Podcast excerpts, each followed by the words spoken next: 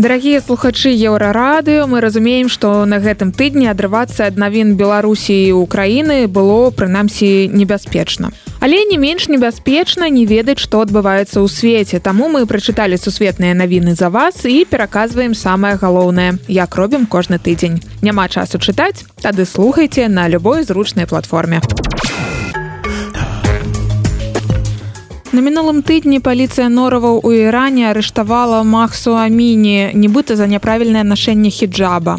Пасля гэтага затрымання дзяўчына правяла некалькі дзён у коме. Гэтакі не вярнулася да жыцця піша BBC іранская паліцыя заяўляе што дзяўчыну маўляў не білі што ў той здарыўся нібыта раптоўны сардэчны прыступ але заявы паліцыі не пераконваюць яе бацькоў.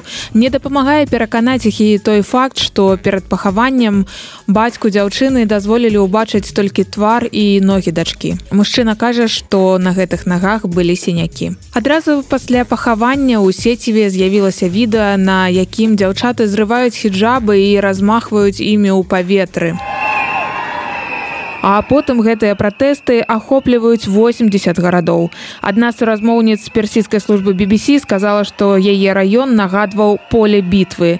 Гэтыя пратэсты забралі жыццё 17 чалавек. Здаецца, пратэст ужо выйшаў за межы краіны на міжнародны ўзровень. Журналістка CNN збіралася ўзяць інтэрв'ю у прэзідэнта Ірана Ібрагіма Раісі.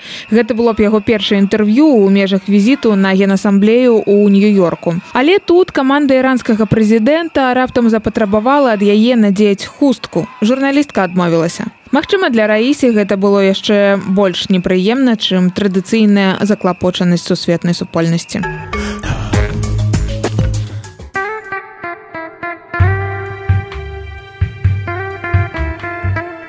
Італьянка Джорджія Мелоні была настолькі рэвалюцыйнай, што стала кансерватарам. Цяпер яна адзін з галоўных прэтэндэнтаў на пасаду італьянскага прэм'ер-міністра.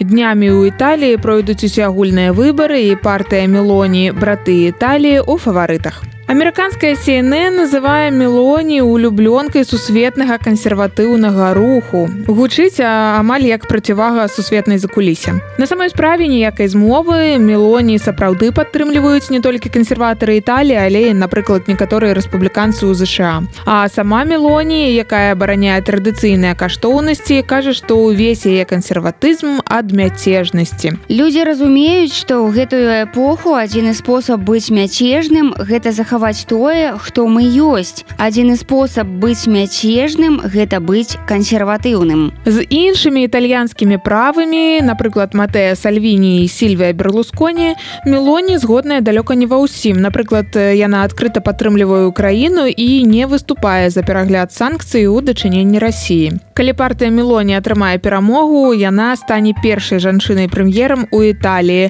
Магчыма новая маргарет тэтчер у гэтым сезоне будзе зусім не брыта танкай. Дрэнныя навіны з амазонкі. Выкіды вугляроду ў гэтым рэгіёне ў 2019-20 годах значна павялічыліся, пераказвае BBC новае даследаванне. Яго аўтары лічаць, што прычынай могуць быць высечкі лясоў пад патрэбы сельскай гаспадаркі і лясныя пажары.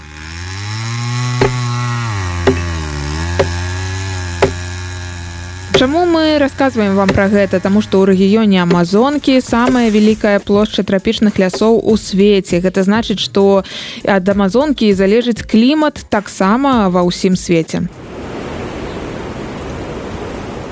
Але толькі на першы погляд гэтае даследаванне такое ўжо апалітычнае, ад амазонкі залежыць яшчэ і рэйтынг дзейнага прэзідэнта Бразіліі Жаіра Балсанару, які рыхтуецца зноў пазмагацца за пасаду прэзідэнта. А менавіта Балсанару і абвінавачваюць у безадказным падыходзе да клімату і стану амазонскіх лясоў. Так што магчыма, чым бліжэй выбары ў Бразіліі, тым больш мы пабачым справаздач аб стане лясоў амазонкі, што не так і блага. На курсах дыпламатаў у паўднёвай карэі зараз можа з'явіцца новае правіла. Сфармуляваць яго можна прыкладна так. Не кажыце ў мікрафон тое што не можете сказаць байдену ў вочы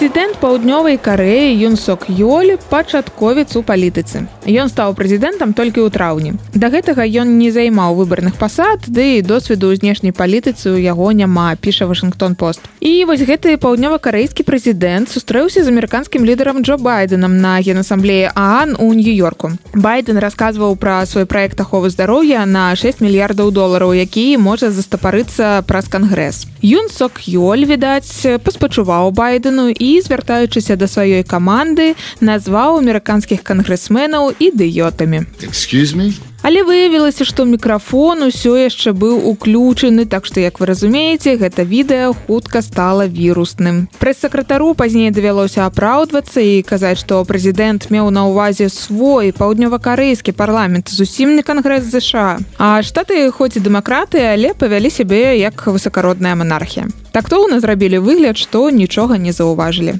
Так што апраўдвацца за гэты дыпламатычны правал прэзідэнту давядзецца толькі дома. А каб вы заўважылі ўсе важныя сусветныя навіны тыдня, мы кожную пятніцу рыхтуем для вас іх кароткі пераказ. Калі няма часу чытаць, слухайце і заходзьце да нас на SoundCloud.